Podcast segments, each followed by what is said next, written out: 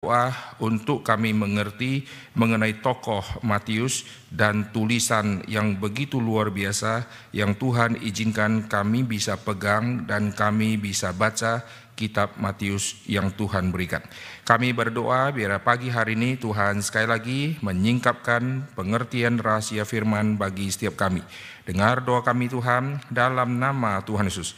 Kami berdoa. Amin. Nah, saudara sekarang kita sudah melihat tentang Matius. Di dalam khotbah yang pertama kita membahas tentang Matius itu namanya juga Lewi dan dia adalah pemungut cukai. Dan kita sudah menganalisa panjang lebar. Lalu di pertemuan yang kedua kita sudah membahas mengenai dia mengadakan satu perjamuan yang sangat besar dan apa arti di dalam perjamuan itu Lalu minggu lalu kita sudah membahas mengenai tiga poin. Kita sudah membahas isi dari seluruh kitab Matius, puncaknya adalah di pasal ke-16 dan kita sudah melihat misi Yesus menggenapkan seluruh apa yang dikatakan tentang dirinya yang adalah firman yang F besar dan semua firman-firman yang F kecil dari PL Yesus yang akan genapkan semua perkataan firman tersebut. Jadi secara pribadi yang firman huruf besar Yesus menggenapkan. Karena di dalam seluruh PL membicarakan F besar kelak akan datang. Dan Yesus datang menggenapi sayalah orangnya. Semua perkataan-perkataan tentang Yesus yang menuju kepada Yesus, waktu Yesus datang, Yesus mengkonfirmasi itu menulis tentang aku. Dan aku tidak melakukan segala sesuatu di luar apa yang sudah ditentukan oleh Bapa. Dan kita sudah melihat poin selain yang tadi saya sebut, kita sudah membahas tentang Nabi, Imam, Raja, dan kita akan memfokuskan tentang Raja. Nah hari ini kita akan melanjutkan tentang Raja. Kita akan meneliti seluruh isi Matius menekankan tentang Raja dan bagaimana dia menyusun seluruh Matius untuk mengarahkan kita membandingkan dengan tokoh raja dunia sama Kristus yang adalah raja di dalam kerajaan sorga. Di dalam perjanjian lama, orang Yahudi mengerti satu tema yang sangat penting bahwa Tuhan adalah raja. Mari kita lihat di dalam Mazmur di dalam Mazmur muncul berkali-kali mengenai Tuhan itu siapa. Tuhan adalah Raja. Mari kita lihat di dalam Mazmur 47. Di dalam Mazmur banyak sekali tema tentang Tuhan adalah Raja. Maka nanti sampai kepada perjanjian baru, Yesus adalah Raja. Ini sangat sulit diterima oleh orang Yahudi karena mereka mengklaim Yesus bukan Allah, Allah yang sejati adalah raja, Yesus bukan raja. Lihat di dalam Mazmur pasal ke-47. Mazmur pasal yang ke-47, saya akan baca dari ayat kedua. Hai segala bangsa, bertepuk tanganlah, elu-elukanlah Allah dengan sorak-sorak. Sebab Tuhan yang maha tinggi adalah dahsyat, Raja yang besar atas seluruh bumi. Saudara perhatikan di ayat yang ketujuh, bermasmurlah bagi Allah, bermasmurlah, bermasmurlah bagi Raja kita. Jadi paralelnya Allah itulah Raja kita. Sebab Allah adalah Raja seluruh bumi. Ayat ke-9, Allah Raja atas bangsa-bangsa. Saudara perhatikan konsep PL, Allah melampaui segala Allah.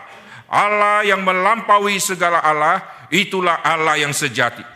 Seluruh raja-raja di bumi ini mempunyai kekuasaan dengan ada kafling-kafling tertentu dan satu raja hanya menguasai berapa kafling. Kalau dia kuat, dia hebat, dia kuasai, dia taklukkan bangsa lain, kaflingnya tambah luas. Tapi tidak ada satu raja yang menguasai seluruh wilayah di dalam bumi kecuali Tuhan. Maka orang Yahudi mengerti satu konsep, Tuhanku adalah Tuhan yang melampaui semua kerajaan di dalam bumi ini. Dan mereka sangat menghormati yang namanya Tuhan. Sekarang saya ajak lagi saudara untuk melihat ini banyak sekali di Mazmur, tapi saya hanya memilih-milih berapa bagian. Kita lihat di pasal 93. Di dalam Mazmur pasal 93 nanti juga muncul di 95, 96, 99, lalu ada muncul juga di 97, 98. Ini tema tentang raja muncul sangat banyak. Saya ajak saudara melihat Mazmur pasal 93. LAI kasih judul Tuhan Raja yang kekal. Tuhan adalah raja. Ia berpakaian kemegahan. Tuhan berpakaian, berikat pinggang kekuatan. Sungguh telah tegak dunia, tidak bergoyang. Tatamu tegak sejak dahulu kala dan kekal engkau ada. Saudara perhatikan, Tuhan adalah Raja segala bumi, Tuhan Raja segala bangsa, dan pasal 93 Tuhan Raja yang kekal, Tuhan berpakaian kemegahan. Nah, dua bagian Mazmur yang kita baca, saya akan jadikan satu landasan untuk nanti kita melihat di dalam kitab Matius. Kemarin minggu lalu sebelumnya saya sudah mengatakan Tuhan mengizinkan Matius ditaruh di kitab pertama di dalam perjanjian baru. Jikalau Markus yang ditaruh di bagian pertama, maka PL menuju ke PB ada gap yang tidak mungkin bisa disambung karena beda bahasa, beda konteks. Maka Tuhan izinkan setelah PL lalu masuk ke PB, Tuhan izinkan Matius ditaruh di paling depan. Meskipun menurut tokoh-tokoh kitab pertama PB adalah Markus karena berdasarkan waktu kronologis Markus yang mestinya duluan. Tapi waktu kanonisasi Tuhan izinkan diputar Matius mesti duluan. Mengapa Matius mesti duluan? Karena di dalam seluruh PL mereka mengharapkan Mesias yang adalah raja yang akan datang. Lalu akan datangnya bagaimana? Seluruh PL sudah menubuatkan tentang kedatangan dia. Maka kita lihat salah satu ciri diam kitab Matius adalah Yesus datang menggenapkan. Seperti yang sudah difirmankan di dalam PL, demikianlah digenapkan, digenapkan, digenapkan, digenapkan. Salah satu poin digenapkan adalah penggenapan tentang Kristus yang adalah Raja yang akan datang. Tetapi di dalam kebudayaan Yahudi, mereka semua tidak mengerti Yesuslah Raja yang disebut di dalam PL itu. Yesus adalah Raja. Mereka waktu melihat Yesus adalah raja. Mana mungkin Yesus adalah raja turun dari yang namanya Yusuf. Tapi Alkitab mengarahkan kita untuk menerima fakta Yesus adalah raja. Maka Tuhan memakai Matius masukkan silsilah menjadi pasal yang pertama. Pasal pertama itu silsilah Tuhan Yesus ini sangat menarik. Mari saya ajak saudara itu melihat Matius pasal pertama untuk kita membongkar banyak rahasia di dalam. Dulu saya sudah pernah singgung di dalam PA, saya ada singgung banyak poin tentang Matius. Hari ini saya akan mengkaitkan dengan ada poin yang lain. Saudara perhatikan, di sini Yesus dimasukkan di dalam dua leluhur, yaitu leluhurnya adalah Abraham dan leluhurnya adalah Daud dua leluhur Yesus ini, ini adalah yang sangat menarik untuk kita perhatikan. Kenapa pakai Abraham? Karena Abraham adalah bapaknya orang Yahudi. Abraham bapaknya orang Yahudi, Tuhan ingin katakan, hei orang Yahudi, perhatikan dengan baik-baik, kamu mengagung-agungkan Abraham sebagai bapamu dan Yesus turun dari jalur Abraham. Mengapa Abraham disinggung di situ? Karena Tuhan pernah mengatakan di dalam kejadian pasal ke-12 ayat ketiga mengenai Abraham, olehmu segala bangsa di bumi akan mendapat berkat. Jadi olehmu, mu ini adalah Abraham. Abraham, oleh dirimu nanti segala bangsa di bumi akan mendapat berkat.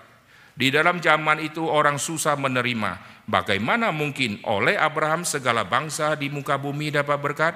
Abraham dipanggil keluar dari Urkastim masuk ke Kanaan. Lalu dia terus ada di Kanaan. Bahkan melalui Abraham nama Tuhan dicelah karena dia pernah pergi ke Mesir dan menipu Mesir di situ. Bagaimana mungkin melalui Abraham nama Tuhan akan dipermuliakan dan segala bangsa di muka bumi akan mendapat berkat. Maka kalimat itu adalah kalimat yang mustahil yang tidak mungkin bisa dipahami oleh orang zaman dulu. Lalu jawabannya adalah olehmu berarti melalui kamulah Tuhan pakai kamu untuk kelak menurunkan Mesias. Dan seluruh keturunanmu siapakah yang menggenapkan kata olehmu itu. Mari kita lihat di silsilah Matius. Di dalam silsilahmu Abraham, ada Yakub, olehmu, bukan melalui Yakub olehmu, bukan melalui Yehuda.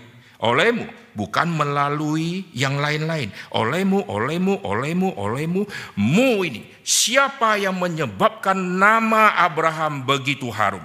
Siapa yang ditunjuk mengenai satu pribadi yang disebut dikaitkan dengan Abraham?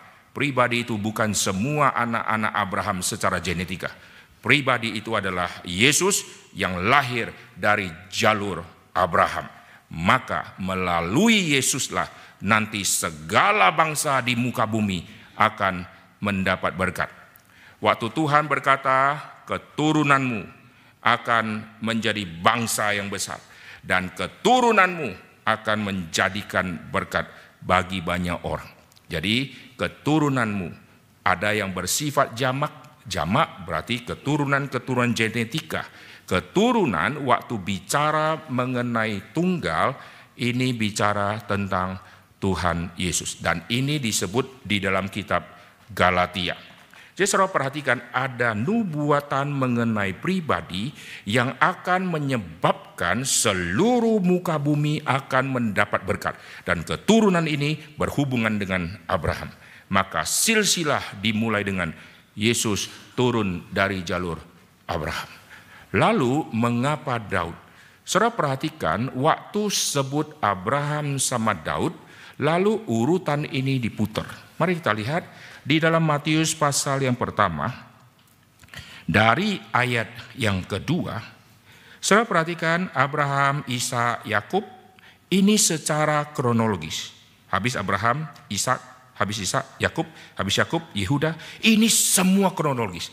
Tetapi di ayat 1 diputar bukan kronologis. Kalau kronologis, ayat 1 bunyinya begini. Inilah silsilah Yesus Kristus, anak Abraham, anak Daud. Tapi urutannya diputar. Nah, saudara perhatikan, setiap kali pemutaran urutan ini mengandung sesuatu yang sangat penting. Di dalam tradisi Yahudi, cara penulisan, jikalau mau menekankan sesuatu, maka yang mau ditekankan dipindah ke depan. Sehingga waktu kita baca yang di depan, ini sesuatu penekanan untuk kita perhatikan. Ini penting. Abraham penting. Tapi waktu bicara Abraham sama Daud, dia putar karena seluruh silsilah ini mau menekankan mengenai perhatikan Daud ini. Jadi Abraham penting, tetapi Abraham sudah kuno. Sedangkan Yesus akan memegang tongkat kerajaan, lalu kalau dihubungkan dengan Abraham, tema kerajaan belum muncul. Tema kerajaan masih bayang-bayang. Kamu akan menjadi bangsa yang besar. Kalau bangsa yang besar berarti kerajaan, tapi itu masih samar-samar. Maka tema kerajaan yang paling jelas itu di dalam zaman Daud yaitu Tuhan akan mengkokohkan kerajaan Daud. Di dalam tema Abraham tidak ada tuh kata Tuhan akan kokohkan kerajaan Abraham, tidak ada itu. Maka masih bayang-bayang tema kerajaan. Begitu sampai ke Daud menjadi clear, maka di dalam silsilah diputar urutan ini. Daud ditaruh di paling depan. Lalu dari situlah nanti Matius yang dipimpin Tuhan akan mengarahkan semua pembaca. Perhatikan, Yesus inilah Mesias. Yesus inilah raja dari jalur yang sah, dari jalur Abraham, dari suku Yehuda. Maka di dalam silsilah ini hanya suku Yehuda yang dimasukkan ke dalam. Tidak ada suku-suku yang lain dimasukkan ke dalam. Kenapa? Karena tidak ada hubungan dengan kerajaan. Maka dari jalur Yehuda itu ditelusuri semua raja-raja dan semua silsilah ini mengandung cacat celah yang sangat besar karena semua tokoh-tokoh di situ adalah tokoh-tokoh yang berdosa. Lalu di dalam silsilah Matius, Matius mau menceritakan mengenai perhatikanlah raja ini. Raja ini akan memerintah dan raja ini akan menggembalakan semua manusia yang hidup di dalam dosa ini. Di dalam seluruh silsilah Abraham sampai kepada Yesus, kita melihat tidak ada pengharapan sebelum Yesus lahir. Karena semua raja mempunyai dosa yang sangat besar. Termasuk di dalam Matius membocorkan rahasia kejatuhan Daud, raja yang pertama yang sangat diberkati oleh Tuhan. Dia juga jatuh.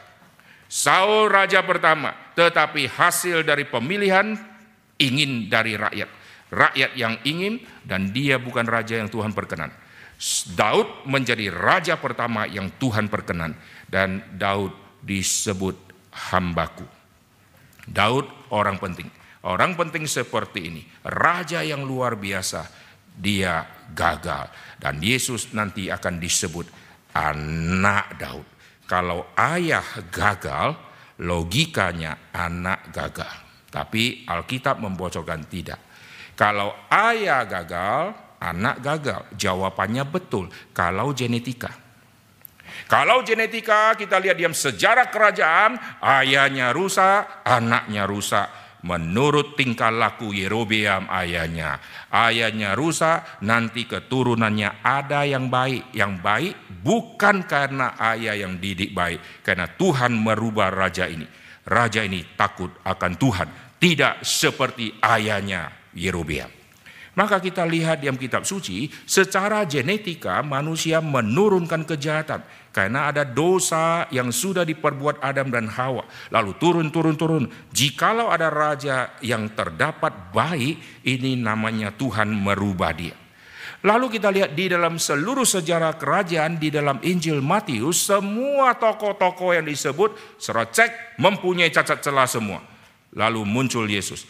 Maka inilah yang disebut di dalam kitab Matius, dari dalam gelap terbitlah terang. Hai tanah Jebulon, itu nanti saudara baca di Matius muncul kalimat itu. Dari kegelapan muncullah terang. Jadi di dalam kegelapan seluruh silsilah kerajaan yang ditutup dengan pembuangan di Babel. Ini namanya masa kegelapan. Di dalam masa kegelapan, seluruh kehebatan Abraham sama Daud ditutup di pembuangan. Dan sampai selesai pembuangan disebut muncullah zaman Yesus. Maka zaman Yesus merupakan zaman yang sangat penting di dalam seluruh sejarah umat manusia. Yaitu di dalam suasana kegelapan yang sangat gelap, kejatuhan manusia yang sangat besar, dan manusia dihukum oleh Tuhan, dibuang ke Babel di saat itulah Tuhan yang sudah mempersiapkan Kristus, Yesus akan datang di dalam dunia kegelapan ini. Lalu kita perhatikan di dalam silsilah ini bagaimana Matius dipakai Tuhan untuk menekankan tema raja. Saudara perhatikan hanya di dalam silsilah ini Daudlah yang disebut raja. Mari kita lihat. Matius pasal yang pertama. Kalau saya rubah ayat Alkitab, ini tidak salah, tetapi Alkitab pakai cara Alkitab. Lihat ya, saya rubah ya. Matius pasal 1 ayat ke-6, saya rubah ya. Isai memperanakan Raja Daud. Raja Daud memperanakan Raja Salomo. Raja Salomo memperanakan Raja Rehabeam. Boleh enggak? Kalau saya rubah begitu boleh enggak? Salah enggak? Salomo raja dia? Raja. Rehabeam raja dia? Raja. Kalau saya rubah tidak salah. Tetapi saudara perhatikan semua raja dibuang kata raja kecuali Daud. Berarti di dalam silsilah ini sedang memfokuskan mengenai perhatikan Daud ini. Kenapa? Karena Yesus akan disebut anak Daud.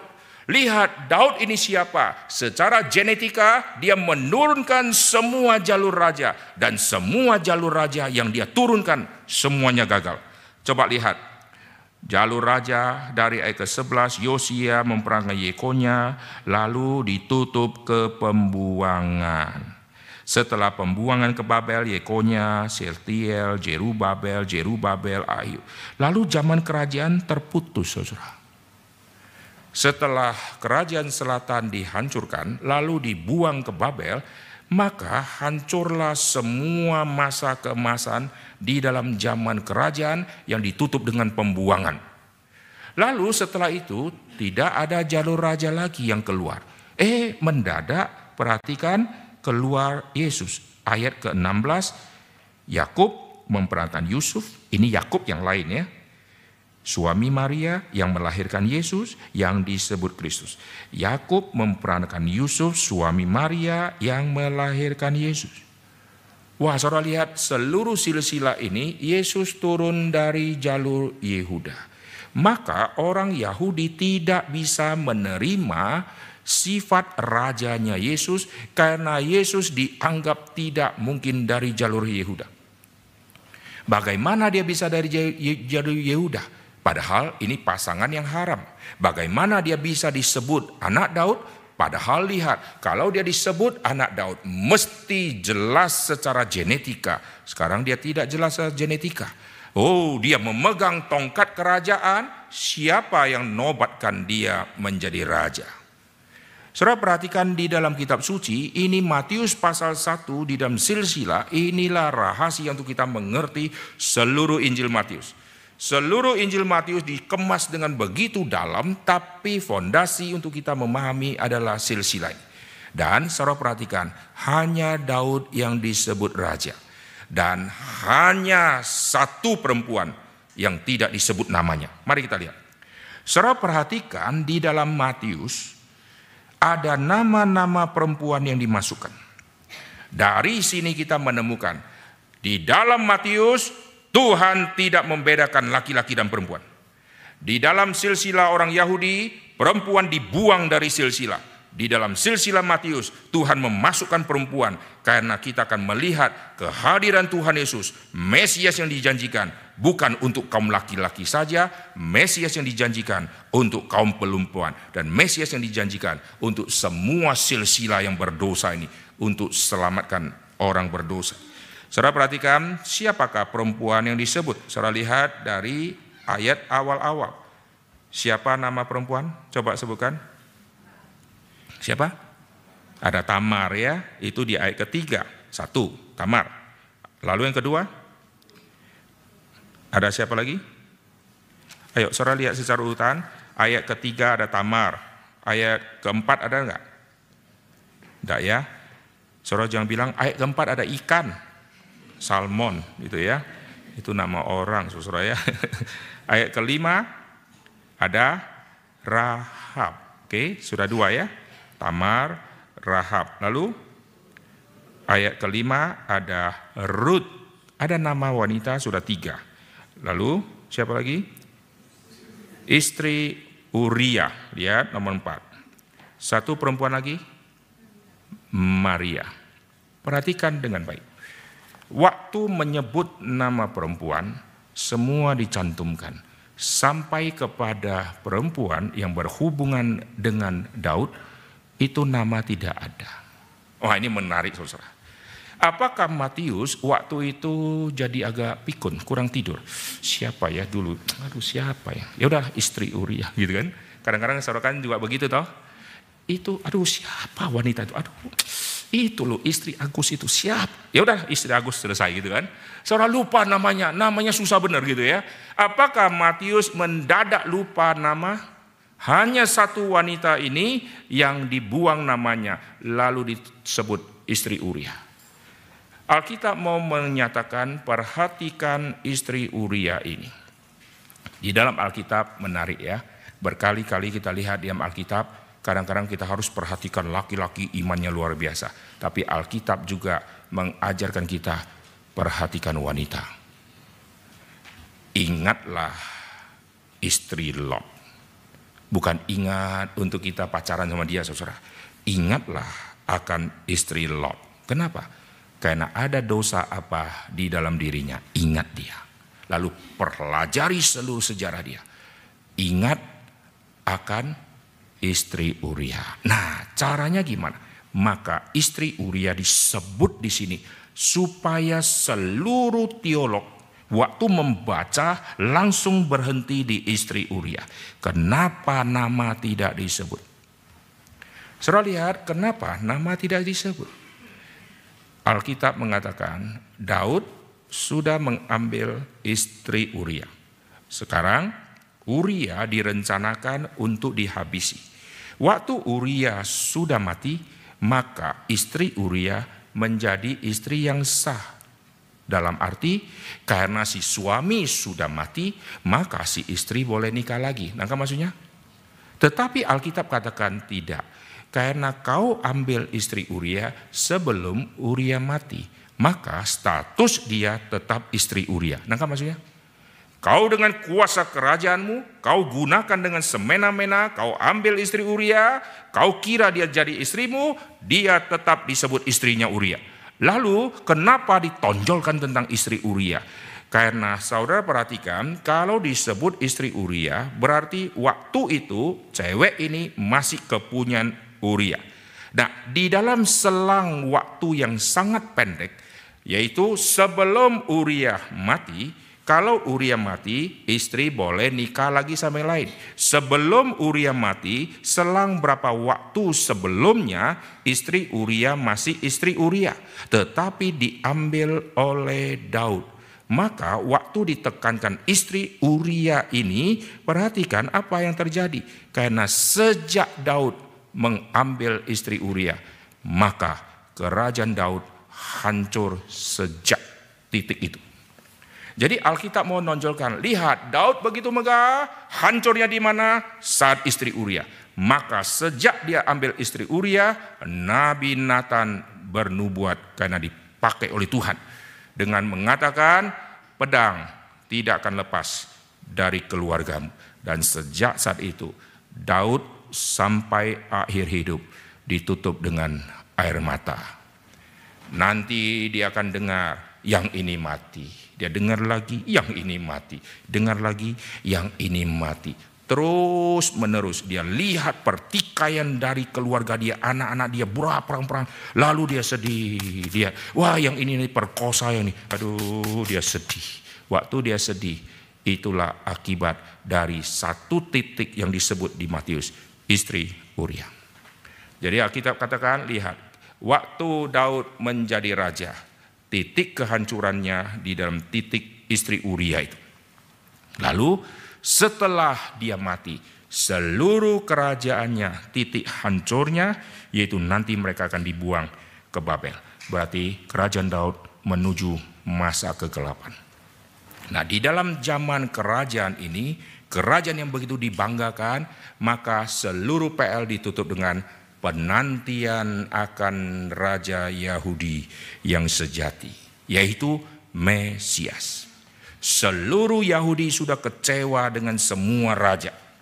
Dulu mereka pengen raja seperti bangsa lain. Lalu mereka minta, lalu Tuhan kasih Saul. Wah mereka kamsia kamsia. Kenapa mereka mau Saul? Karena Saul lebih tinggi. Saudara lihat kenapa Alkitab menunjukkan Saul dia lebih tinggi dari orang-orang lain. Kenapa? Karena musuh yang dihadapi adalah Filistin yang tinggi-tinggi. Kalau pilih raja pendek, tidak cocok. Maka pilih yang lebih tinggi. Nanti waktu Saul jadi raja, waktu dia memilih tentara, dia juga pilih yang tinggi-tinggi. Maka Daud tidak mungkin terpilih. Dia pilih semua kokoh-kokohnya. Yang hebat-hebat. Alkitab catat, wah tinggi-tinggi perawakan, elok-elok, gagah-gagah. Kenapa? Karena musuhnya begitu mengerikan. Maka mesti pilih yang hebat-hebat. Lihat Daud kekecilan tapi Tuhan pakai, lu pilih yang besar, apa yang lu lihat, aku tidak lihat itu yang penting. Yang penting ini yang cilik ini. Lalu Tuhan bangkitkan Daud untuk menjadi raja. Bayangkan, dulu kalau Saul hormat raja, ada PD sedikit. Karena Saul tinggi. Sekarang hormat raja, cebol, agak pendek. Tidak enak saudara. Lucu saudara. Saudara kalau lihat sebelum Jokowi itu itu presiden kan ada yang mantan-mantan TNI TNI kan gagah-gagah kan berdiri tegak kan ya Jokowi begini saudara kurang pede saudara kita lihat ya. Ya kayak gini, gini. ya keris-keris main sepak bola lagi dia. Aduh lucu ya kalau yang lain kan wibawa. Tapi banyak ambil uang saudara kalau ini kurus-kurus tidak perlu uang lagi. Karena makan banyak juga kurus Saudara lihat, kalau presiden kita ceking gitu ya, ayalah. Saudara kalau datang berobat untuk obati jerawat. Sampai ke dokter, wih gila jerawatnya banyak bener, lebih banyak dari saya. Saudara berobat nggak? Ayo jujur.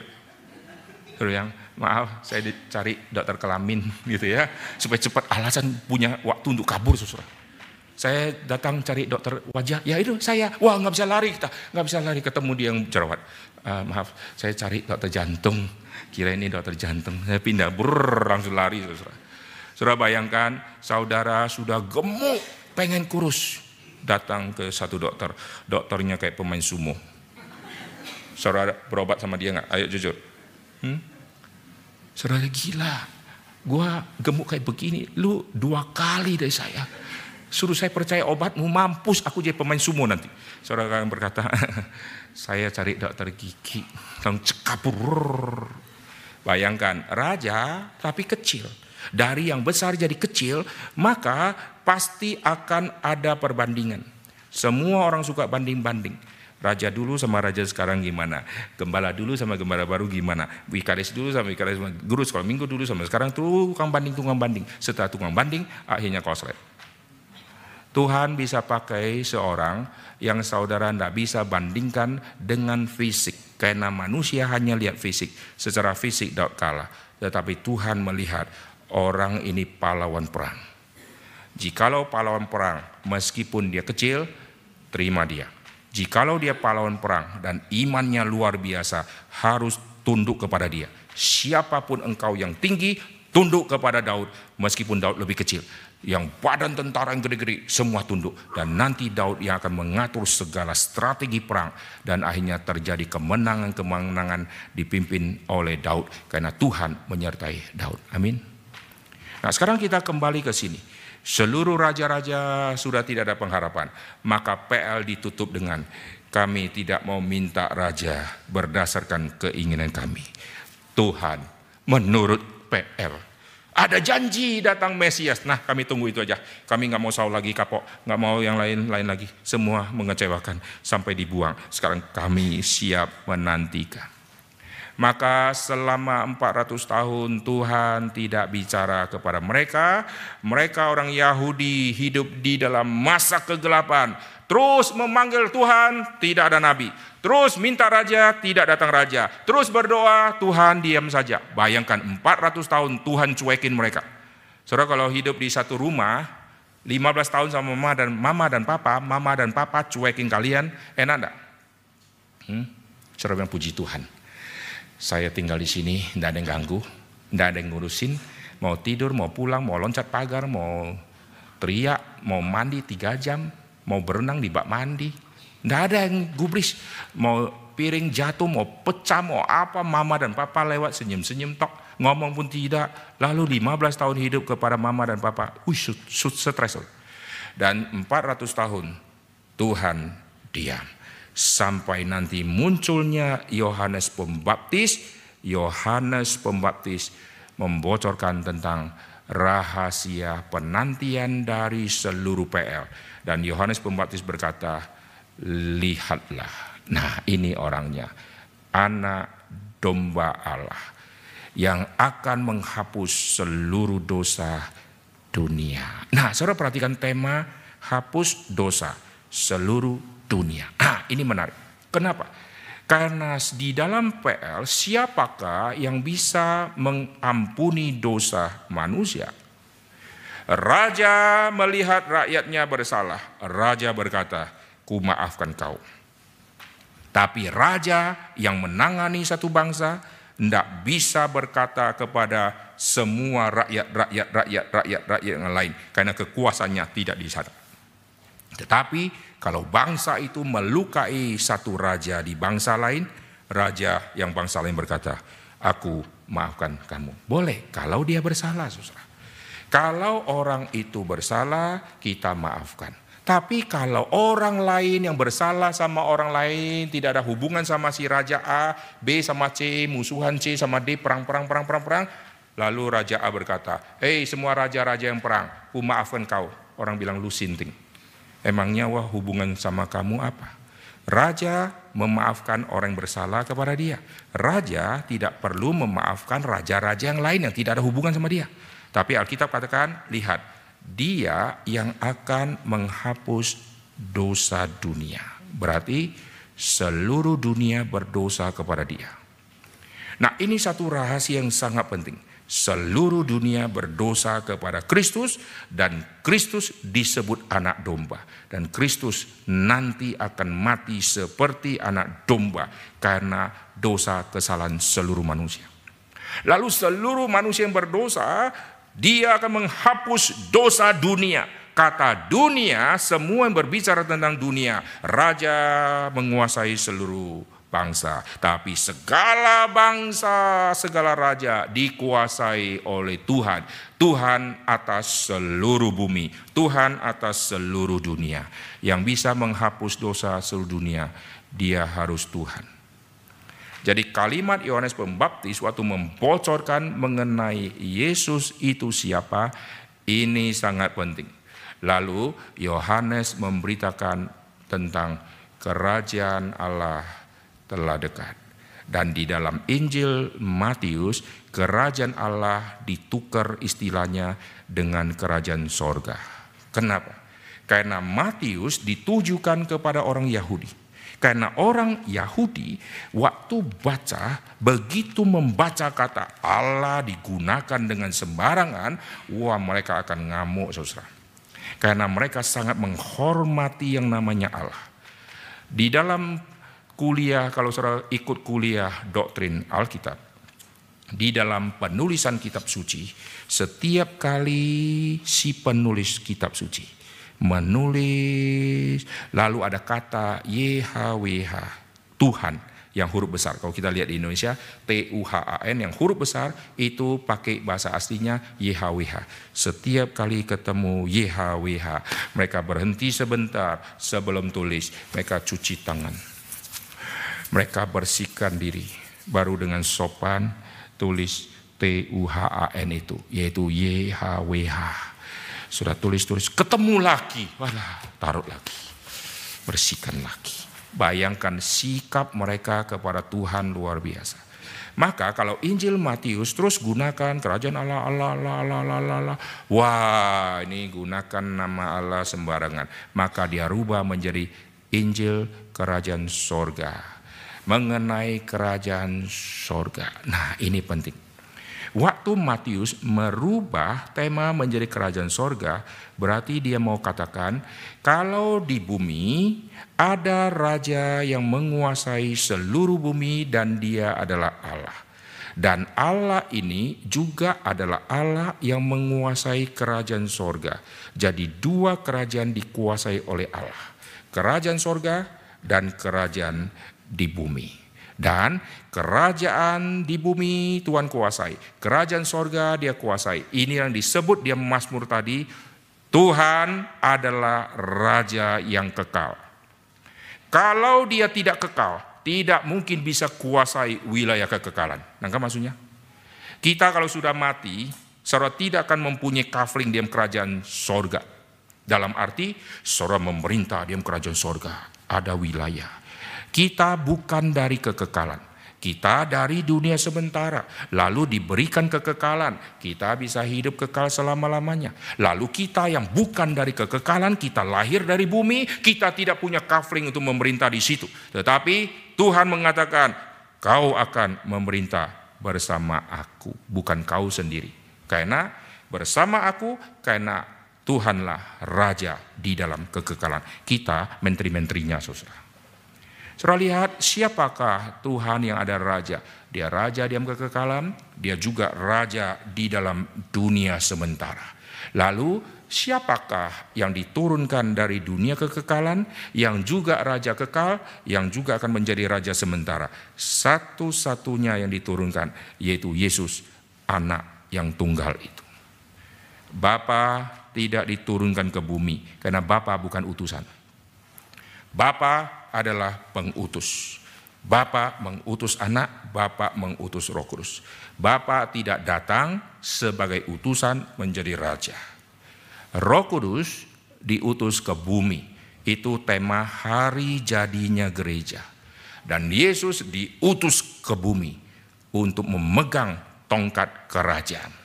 Dan dia memegang tongkat kerajaan bukan setelah ada di bumi baru jadi raja. Dari kekekalan dia sudah adalah raja. Maka Injil Matius menekankan hal kerajaan sorga.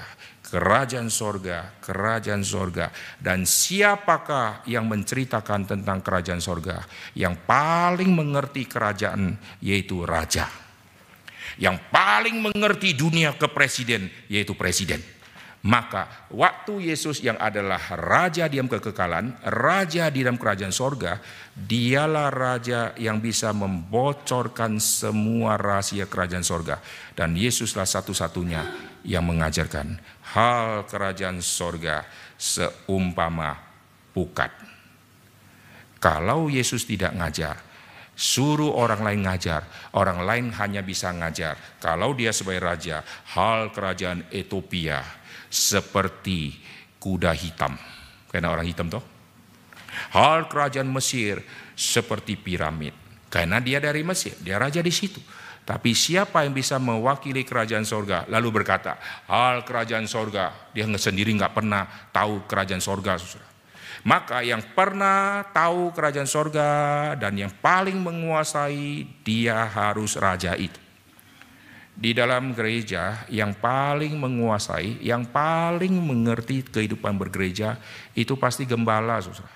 Kecuali dia gembala upahan, dia tidak tahu yang namanya gereja karena yang dia pikir adalah upahnya. Tapi gembala yang sejati, dia pasti mengetahui gereja di mana dia pimpin. Lalu majelis-majelis yang baru datang melayani sok kepo-kepo, saudara. Hamba Tuhan dia tahu karena dia di situ.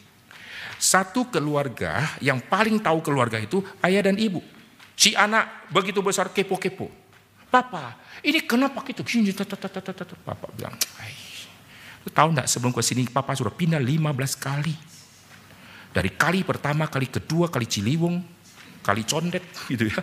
Kali Malang, sampai sekarang mau pindah ke sini. Sudah 15 kali papa pindah-pindah. Lu ribut-ribut nggak ngerti. Lalu anak mulai lihat, ini kenapa? Ini aduh salah-salah. Lalu papa cerita, ini dulu ya tukang manjat ini untuk jadikan plafon ini dia jatuh, dua mayat jatuh. Oh gitu ya. Karena papa, maka dia paling tahu saudara. Lalu anak sok kepo. Sama, di dalam kerajaan rakyat tidak akan tahu misi kerajaan. Raja yang mengerti arah kerajaan mau dibawa ke mana. Seluruh gerakan reform, Injili ini yang paling dimengerti oleh pendetakah, oleh vikariskah, atau oleh pendiri? Siapa yang paling mengerti? Pasti pendiri. Kita gembala-gembala tahu, tetapi tidak setahu si pendiri, karena si pendiri mengetahui. Gereja ini didirikan, gerakan ini didirikan dulu begitu susah, dia yang bergumul, kita hanya ikut-ikut. Ya, belok kiri, belok, belok kanan, belok, lakukan ini, ya, ya, ya, kita ikut. Karena kita di dalam gerakan ini. Lalu misi Tuhan, visi Tuhan, Tuhan berikan kepada pendiri, lalu kita masuk ke dalam, lalu Tuhan juga yakinkan kita ini visi yang benar. Lalu kita ikuti. Tetapi waktu kita ikuti, pengetahuan kita gembala-gembala sidang sama pendiri gerakan, pendiri gerakan yang paling mengerti. Maka saudara perhatikan, Yohanes Pembaptis waktu muncul dia bilang, lihatlah anak domba Allah dan dia mulai khotbah terus tentang hal kerajaan sorga itu. Lalu nanti Yesus waktu mulai pelayanan, Yesus melanjutkan tentang hal kerajaan sorga. Karena dialah raja itu. Nah, maka kita lihat di dalam silsilah ini kita sudah menemukan semua yang mau dicantumkan di dalam seluruh Injil Matius. Mari kita lihat nanti malaikat bilang apa. Perhatikan Matius pasal yang pertama. Ayat ke-22, waktu saudara lihat ayat 20 sengaja ditekankan Yusuf anak Daud. Karena gap dari jarak Daud secara kronologis sampai Yusuf terlalu jauh. Lalu sekarang dibuat dekat. Seolah-olah habis Daud menikah langsung lahir Yusuf. Saudara. Dibuat menjadi dekat supaya kita lihat linknya langsung ke Yesus. Yusuf anak Daud. Semua anak-anak Daud yang lain semua dibuang. Langsung disimpulkan, diikat semua. Kalau saudara lihat di pasal 1 ayat 1 tadi, Yesus anak Daud. Lalu nanti silsilah dimulai anak Daud, anak Abraham, di bawah sebelum Yesus lahir ada Yusuf. Lalu semua silsilah diikat, lihat ya, dirampingkan menjadi satu kalimat pendek.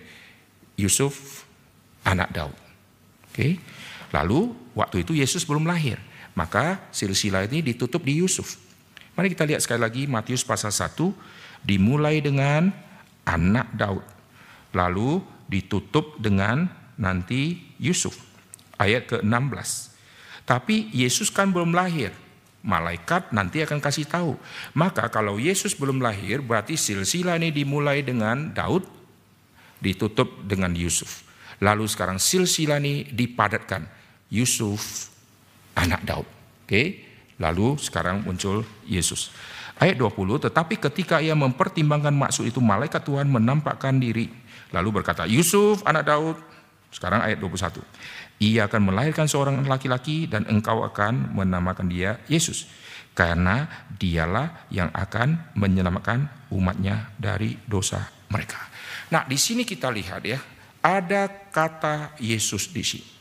Yesus di sini ini paralel dengan Yosua di dalam perjanjian lama. Di dalam perjanjian lama, Tuhan izinkan yang menggantikan Musa harus Yosua. Kenapa? Karena ini nanti bicara tipologi. Ini perbandingan tokoh sama tokoh. Di dalam zamannya Musa, yang paling cukup layak untuk menggantikan Musa hanya dua orang. Miriam bukan, Harun bukan, semua pemimpin-pemimpin suku yang lain semua bukan. Hanya dua orang yang cukup layak, yaitu Kaleb dan Yosua. Kaleb dan Yosua inilah yang punya potensi untuk menggantikan Musa. Karena dua orang ini orang beriman yang luar biasa. Tetapi kenapa bukan Kaleb?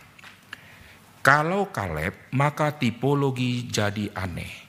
Karena Kaleb artinya anjing. Yosua artinya Tuhan penyelamat. Lalu PB kau akan lahirkan seorang anak laki-laki dan kau beri nama dia Yesus. Yesus, nama Yesus di dalam PL sama dengan kata Yosua.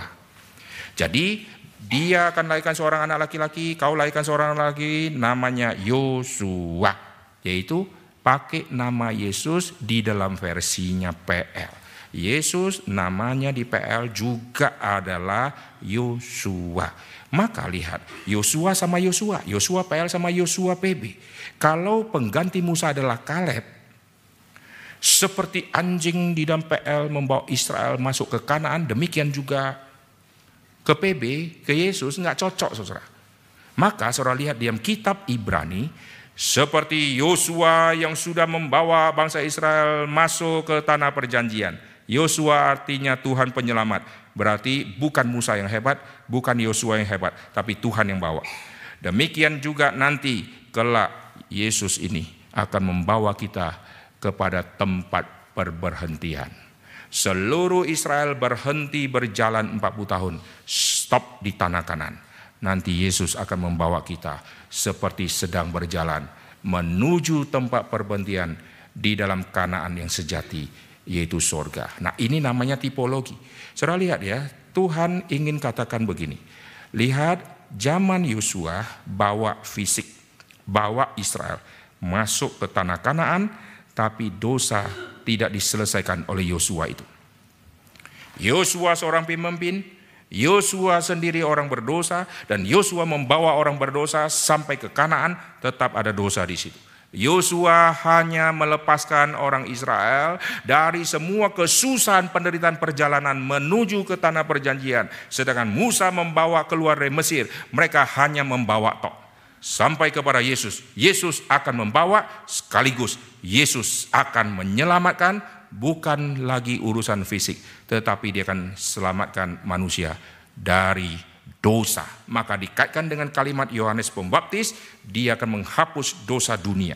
Lalu perhatikan Matius pasal 1 tadi, yaitu dia akan menyelamatkan umatnya dari dosa mereka. Ini kalau kita dalami ini dalam sekali saudara. Menyelamatkan mereka dari dosa. Karena saudara lihat di dalam 10 hukum, mari kita lihat yang keluaran pasal 20, di situ ada dua macam perbudakan. Keluaran pasal ke-20. Perbudakan di dalam keluaran pasal 20 ini menarik sekali. Lihat ya, pasal 20 ayat 1 dan 2. Lalu Allah mengucapkan segala firman ini. Akulah Tuhan Alamu yang membawa engkau keluar dari tanah Mesir, dari tempat perbudakan. Perbudakan di sini di ayat 1 dan ayat 2 ini berbicara mengenai perbudakan fisik. Aku yang membawa kau keluar dari perbudakan Mesir. Kau dulu disiksa di situ, sekarang kau bebas. Akulah yang berjasa di situ. Aku yang membawa kamu. Ini perbudakan fisik. Tetapi perbudakan fisik sudah diselesaikan oleh Tuhan. Ada satu perbudakan lagi yang sepanjang sejarah PL kita melihat orang Israel tidak mau dilepaskan. Waktu fisik tidak mau dilepaskan, Tuhan izinkan Firaun yang baru muncul. Waktu Yusuf lalu Yakub gitu ya satu persatu pindah ke Mesir, mereka bukan karena diperangi lalu kalah jadi budak mereka masuk ke situ karena jasa Yusuf, nama harum. Lalu Yakub masuk, wah adik-adik, eh kakak-kakak dari Yusuf masuk, masuk, masuk, masuk. Lalu setelah masuk, mereka dihargai luar biasa. Lalu mereka tidak mau pulang lagi. Kejadian 46 mengatakan, Aku yang menyuruh kau ke Mesir dan aku akan menuntun kamu keluar dari Mesir. Tuhan kasih tiket PP Kau ke Mesir, aku yang utus, supaya aku nanti akan mempermalukan Mesir. Kalau aku utus kau ke Edom, lalu aku hancurkan Edom, Edom kau kecil, malu-maluin.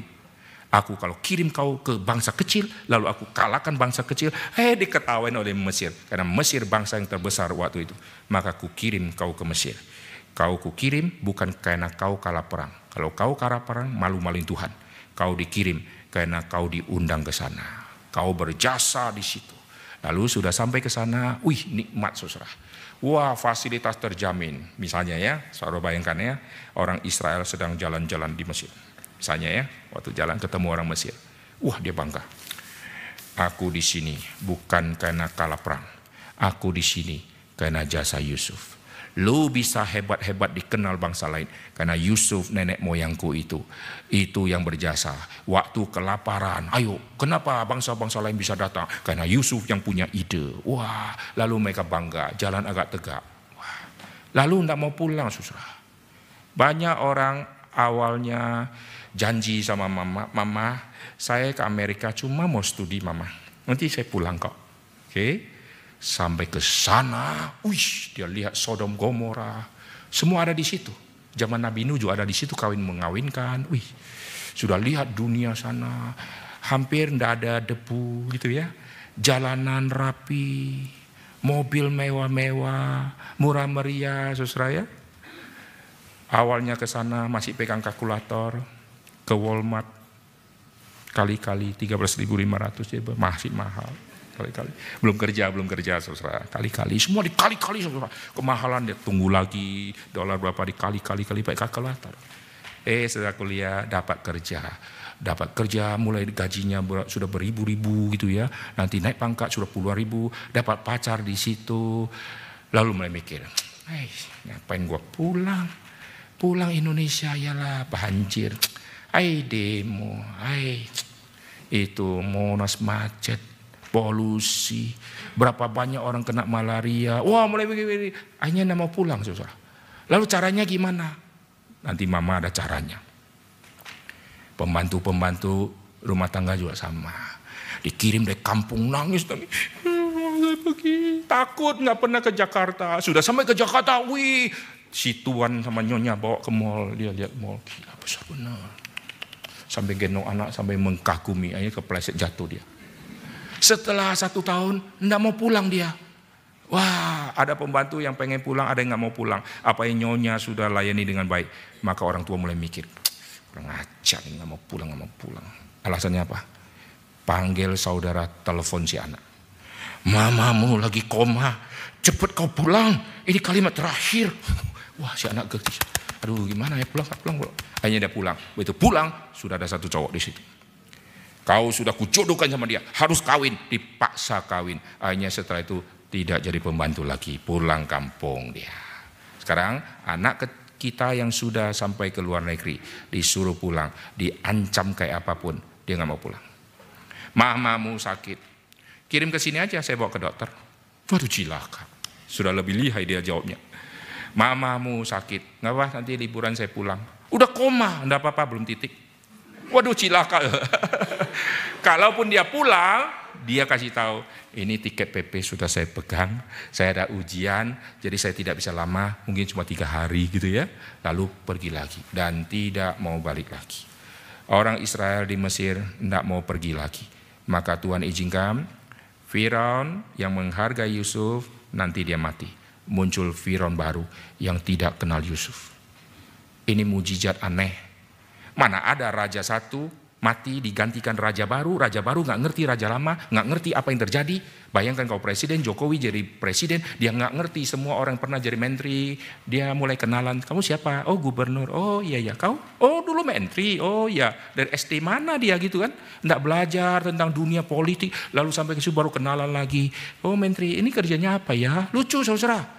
Raja baru tidak kenal semua jasa-jasa Yusuf dan saat itulah Tuhan munculkan raja ini untuk menganiaya orang Israel dan mereka bilang kami mau pergi sekarang. Lalu mereka pergi. Nah ini namanya perbudakan fisik diselesaikan. Tapi ada satu perbudakan yang belum selesai. Maka hukum pertama dimulai. Jangan ada padaku Allah lain di hadapanku. Itulah perbudakan secara rohani. Karena otak mereka meskipun sudah tinggalkan Mesir, otak mereka masih lembu emas, saudara. Otak mereka masih semua berhala-berhala yang ada di Mesir. Dan mereka tidak mentuhankan Tuhan, mereka hidup di dalam dosa. Yang ini tidak diselesaikan oleh Musa, tidak diselesaikan oleh Yosua. Dan yang inilah diselesaikan oleh, lihatlah anak domba yang menghapus dosa dunia. Dan diselesaikan oleh Raja yang akan datang itu. Saudara lihat perbedaan raja dulu sama raja di PB raja di PL, dia membebaskan rakyatnya dari perbudakan, maka dia pergi perang. Setelah perang, lalu rakyatnya sebagian mati. Karena tidak bisa diselamatkan. Ada kekalahan. Sebagian mati, sebagian dibawa pulang. Nanti Yesus yang jadi raja itu, dia akan mengalahkan musuh. Dan 100% Yesus menang. Raja yang hebat belum tentu dia menang. Yesus akan menang dan dia akan menarik kembali, menawan kembali yang sudah ditawan oleh setan itu, lalu ditawan kembali, dia selamatkan dan itulah kaum-kaum pilihan. Jadi Yesus datang ke dalam dunia ini sebagai raja termaksud untuk kaum pilihan, termasuk bukan untuk kaum pilihan. Kaum pilihan tidak mengakui Yesus adalah raja. Yesus tetap raja. Kaum pilihan yang adalah kaum pilihan, dia harus mengakui Yesus adalah raja karena dialah Tuhan yang menyelamatkan. Jikalau ada kaum pilihan yang tidak mengakui Yesus adalah raja, mungkin hari itu dia masih in the cost di dalam agama yang lain. Padahal dia kaum pilihan. Sampai waktunya tiba, dia harus mengakui Yesus adalah raja dan baru dia sadar, aduh dulu kenapa saya tidak mengaku Yesus adalah raja ya? Kenapa ya? Aduh pikiran saya dibutakan. Sekarang Yesus engkaulah Tuhan. Jikalau ada orang yang bukan kaum pilihan, mereka seumur hidup terus menolak Kristus, Kristus tetap raja. Orang-orang Yahudi menyalibkan Yesus. Mereka menghina-hina Yesus yang adalah raja. Yesus tetap raja orang Yahudi. Inilah dia raja orang Yahudi sampai menghina-hina. Yesus tetap raja Yahudi. Nah itu dicatat di dalam Matius, nanti muncullah orang majus mencari raja itu. Jadi seluruh Injil Matius dimulai dengan penelusuran tentang siapakah raja itu dilanjutkan dengan orang Majus mencari raja itu. Raja sudah datang. Waktu raja sudah datang, seluruh Yerusalem masih tertidur dan tidak tahu raja sudah datang tertidurnya sangat lama. Dari PL sudah tertidur tentang Mesias, tidak ngerti Mesias. Mereka ngertinya salah tentang Mesias. 400 tahun Tuhan diam, mereka tetap tidak ngerti Mesias. Sampai kepada PB waktu Yohanes Pembaptis bicara tentang Yesus, mereka tetap tidak ngerti. Sampai waktu Yesus sudah lahir. Yesus sudah umur satu tahun lebih, sudah lahir mereka masih belum tahu Yesus sudah lahir. Berarti pikiran mereka masih tetap buta. Dan orang majus yang dari jauh yang tahu. Heran ya. Lalu dia datang. Di manakah dia raja orang Yahudi? Lalu Herodes kaget. Hah? Aku? Raja Yahudi. Lu cari? Ini bukan. Lu ada lahir ya? Oh, dia pura-pura rohani. uh, gini, kau cari ya. Kalau kau sudah ketemu, lapor ke saya, gitu kan? Kalau kau sudah ketemu, lapor ke saya. Nanti gua juga datang untuk paicia-paicia. Ah, rohani sekali, raja rendah hati untuk paicia-paicia, untuk menghormati anak ini. Lalu si Herodes ini pintar. Dia mulai panggil semua agamawan. Hmm, ahli Taurat. Katanya lu belajar Alkitab. Ini ada raja sudah lahir lu nggak tahu-tahu. Cek, cek, cek, cek. Waktu dicari, cek, cek, ketemu. Oh iya iya iya, uh, dulu sih memang memang di PL pernah tulis ya nanti kalau dia datang dia akan lahir di Bethlehem gini-gini. Oh iya iya iya iya. Jadi sudah baca toh? Tetap buta. Sampai Yesus sudah lahir, sudah satu tahun lebih, semua tidak tahu. Dan setelah itu nanti orang Majus ketemu sama raja ini. Dan mereka antar emas, kemenyen, dan mur. Mereka tidak kirim JNE dan Tiki. Mereka antar sendiri. Resiko dirampok, resiko dibunuh. Ini bawa perhiasan yang begitu banyak dan mereka orang top di daerah timur. Dan kehadiran orang top ini pasti akan diincar, maling akan banyak. Sekarang sekarang kita kembali untuk melihat semua ini. Lalu orang majus yang antar, kan dia tahu, aku datang bukan menghargai Maria dan Yusuf. Aku datang menghargai anak ini. Masih ingat minggu lalu saya katakan, tidak ada pemberian kepada anak kecil. Karena menghargai si anak kecil, apalagi masih sangat kecil. Saudara kasih hadiah ke anak kecil, di otak saudara ingat, Papa Papanya pernah tolong aku waktu aku susah. Dia rekrut saya jadi karyawan dia. Masa gua kasih gantungan kunci? Masa kasih Hello Kitty? Nggak cocok dong. Kasih hai gitu ya, jadi hello, kasih hai Kitty. Ini bos, bos. Wah, karena bos cari hadiahnya mesti sesuai dengan anak bos, bos, bos. Yang dilihat bosnya susah. Orang majus kalau lihat ayah dari Yesus, Yusuf dan Maria, Mungkin kasih gergaji. Cocok. Tukang kayu toh. kasih gergaji, kasih papan tulis sketsa gitu kan. Cocok, kasih penggaris. Itu paling cocok untuk Tuhan Yesus. Nanti Yesus besar ada digunakan ini mistar orang majus ya. Ini uh, jangkar dari orang majus. Itu cocok. Tapi mereka tidak melihat Yesus dan Maria. Mereka lihat anak ini. Ini satu-satunya terjadi. Kasih anak karena tahu anak ini siapa. Maka orang majus imannya luar biasa. Lalu nanti seluruh kitab Matius di tengah-tengah setelah pasal 1 pasal 2 ini sedang membocorkan semua rahasia kerajaan sorga yang Yesus akan bicarakan. Lalu nanti Matius ditutup dengan kiasmus yang sangat menarik. Mari kita lihat. Saudara perhatikan ya, puncak dari penghinaan akan raja ini ada di pasal 27. Perhatikan di pasal ke-27 dari ayat 27 sampai 31. Saudara kalau lihat Alkitab kita, LAI kita, ini ada ayat rekomendasinya dicatat juga oleh Markus, dicatat juga oleh Yohanes. Jadi tiga kitab mencatat. Matius catat, Markus catat, Yohanes catat. Mari kita lihat dari ayat 27. Saya akan bacakan, ini puncak dari semua tema raja, yaitu penghinaan kepada raja, nanti dilanjutkan sampai ayat 32 dan seterusnya. Sekarang saya akan lihat ayat 27 sampai ayat 31. Kemudian serdadu-serdadu wali negeri membawa Yesus ke gedung pengadilan. Sambil saudara lihat ya, nanti saya akan munculkan kiasmus di dalam bagian ini. Ke gedung pengadilan, lalu memanggil seluruh pasukan berkumpul sekeliling Yesus. Mereka menanggalkan pakaiannya, mengenakan jubah ungu kepadanya mereka menganyam sebuah mahkota duri dan menaruh di atas kepalanya. Oke. Lalu kasih sebatang bulu di tangan kanannya. Kemudian mereka berlutut di hadapannya dan mengolok-olok. Salam hai Raja orang Yahudi. Mereka meludahinya dan mengambil bulu itu dan memukulnya ke kepalanya. Sesudah mengolok-olokkan dia, mereka menanggalkan jubahnya daripadanya dan mengenakan pula pakaiannya kepadanya. Kemudian mereka membawa dia keluar untuk disalibkan. Di sini ditulis meludahi. Kalau saudara bandingkan dengan Markus, Markus catatnya lebih pendek. Jadi lihat ya, Matius catat panjang, Markus catat pendek. Yohanes lebih pendek lagi. Yohanes waktu catat, hari ini kita tidak lihat saudara nanti baca sendiri.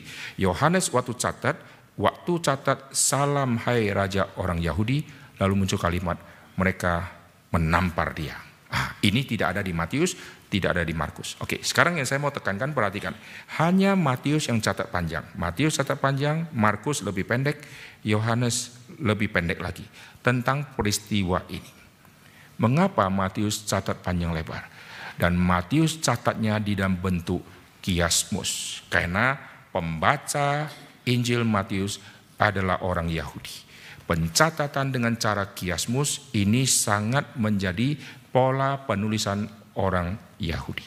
Nah, kiasmus itu kalau saudara baca di dalam satu perikopkah, lalu nanti intinya ada di tengah-tengah. Lalu saudara ambilnya gini, dari atas nanti temennya di bawah. Lalu bagian kalau A temannya Aasen di bawah. Ayatnya begini. Nanti kalau B, nanti temannya mundur dari ayat bawah agak atas sedikit, nanti ketemu B, B Aasen. Segini dia. Nanti kalau ada C, secara mundur lagi nanti ketemu C Aasen. Nanti D ini puncaknya. Nah itu namanya kiasmus. Jadi bentuknya kerucut. Nah sekarang kita temukan kiasmus ini. Setelah lihat dari ayat ke-27, ini serdadu-serdadu gitu kan lalu panggil Yesus, lalu mereka berkumpul gitu ya mengadili. Ayat 28. Mereka menanggalkan pakaiannya. Nah, ini A-nya. A-nya mereka tanggalkan pakaian Yesus. A aksennya coba lihat di bawah. Mereka pakaikan kembali pakaian Yesus. Bisa ikutin? Bisa? Kalau tidak bisa, ketok-ketok kepala dulu. Lihat ya, lepaskan pakaian semula. Sekarang A aksennya pakaikan pakaian tadi.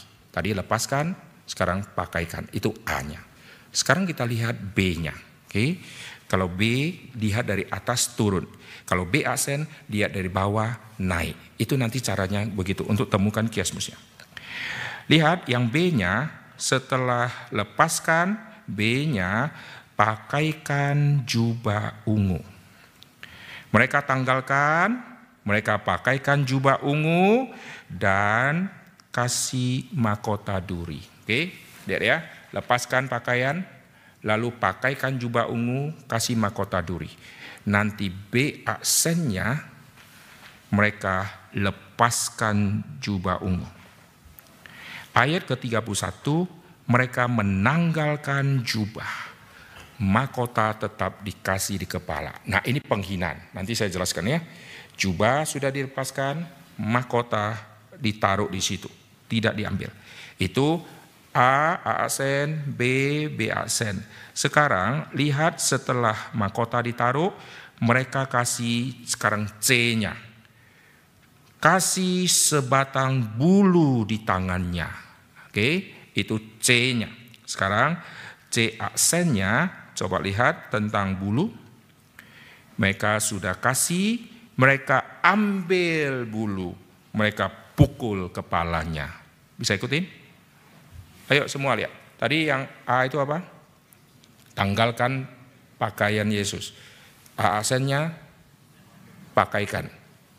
B-nya pakaikan jubah ungu, kasih kota duri. Lalu B aksennya lepaskan, tanggalkan jubah ungu. C-nya kasih sebatang bulu. C aksennya ambil bulu itu. Nah, D-nya ini puncaknya. Ini ayat kuncinya. D-nya mereka mengolok mereka berlutut. Salam hai Raja Yahudi. Yohanes menambahkan mereka tampar dia. Itulah puncaknya.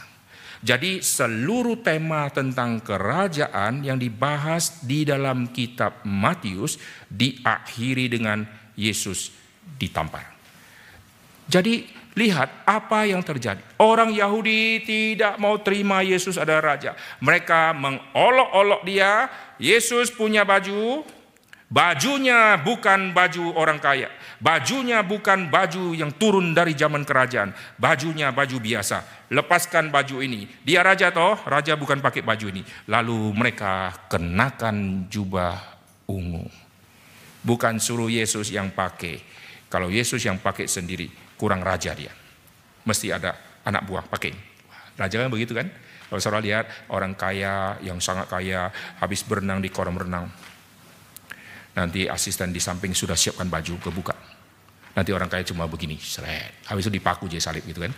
Habis seret, masa seret, seret. Dikancingin, ya, kasih duduk, jus semua sudah ada. Tidak ada orang kaya yang sangat kaya, habis berenang cari handuk sendiri, lalu setrika lagi handuknya, lalu buat jus. Gitu ya. Tidak ada itu, semua sudah siap. Eh Yesus Raja, tanggalkan bajunya, pakaikan jubah ungu, itu jubah kerajaan, jubah seorang raja, mahkota, raja harus pakai mahkota, dikasih mahkota duri. Mahkota raja, mahkota kebanggaan. Mahkota duri, mahkota penghinaan. Lalu raja pegang tongkat kerajaan. Tongkatnya dikasih bulu. Yang loyo-loyo itu. Lalu tongkat kerajaan begitu kokoh. Wah, kalau tongkat diarahkan berarti hukuman terjadi. Saudara kalau lihat kalau raja sudah fonis, kalau tongkat sudah diarahkan, fonis tiba. Maka Tuhan pakai Musa di dalam sepuluh hukum, ambil tongkatmu, inilah tongkat Allah. Tongkat ini kurubah menjadi tongkat Allah. Dan tongkat Allah Musa mewakili Allah untuk mengfonis Mesir. Maka tongkat dipukulkan ke tanah. Itu berarti fonis jatuh. Dari tanah keluar kutu. Ela itu tulis nyamuk. Itu adalah kutu. Dari tongkat pukul. Fonis tiba. Yesus pegang tongkat kerajaan. Kalau raja. Sekarang dikasih bulu. Pukul gini. Tidak ada tenaga saudara. Setelah itu mereka sekarang hormat. Hmm? Raja sudah pakai baju raja, sudah pakai mahkota raja, sudah pakai bulu, tapi semua raja ini tema raja dipermalukan dan mereka hormat.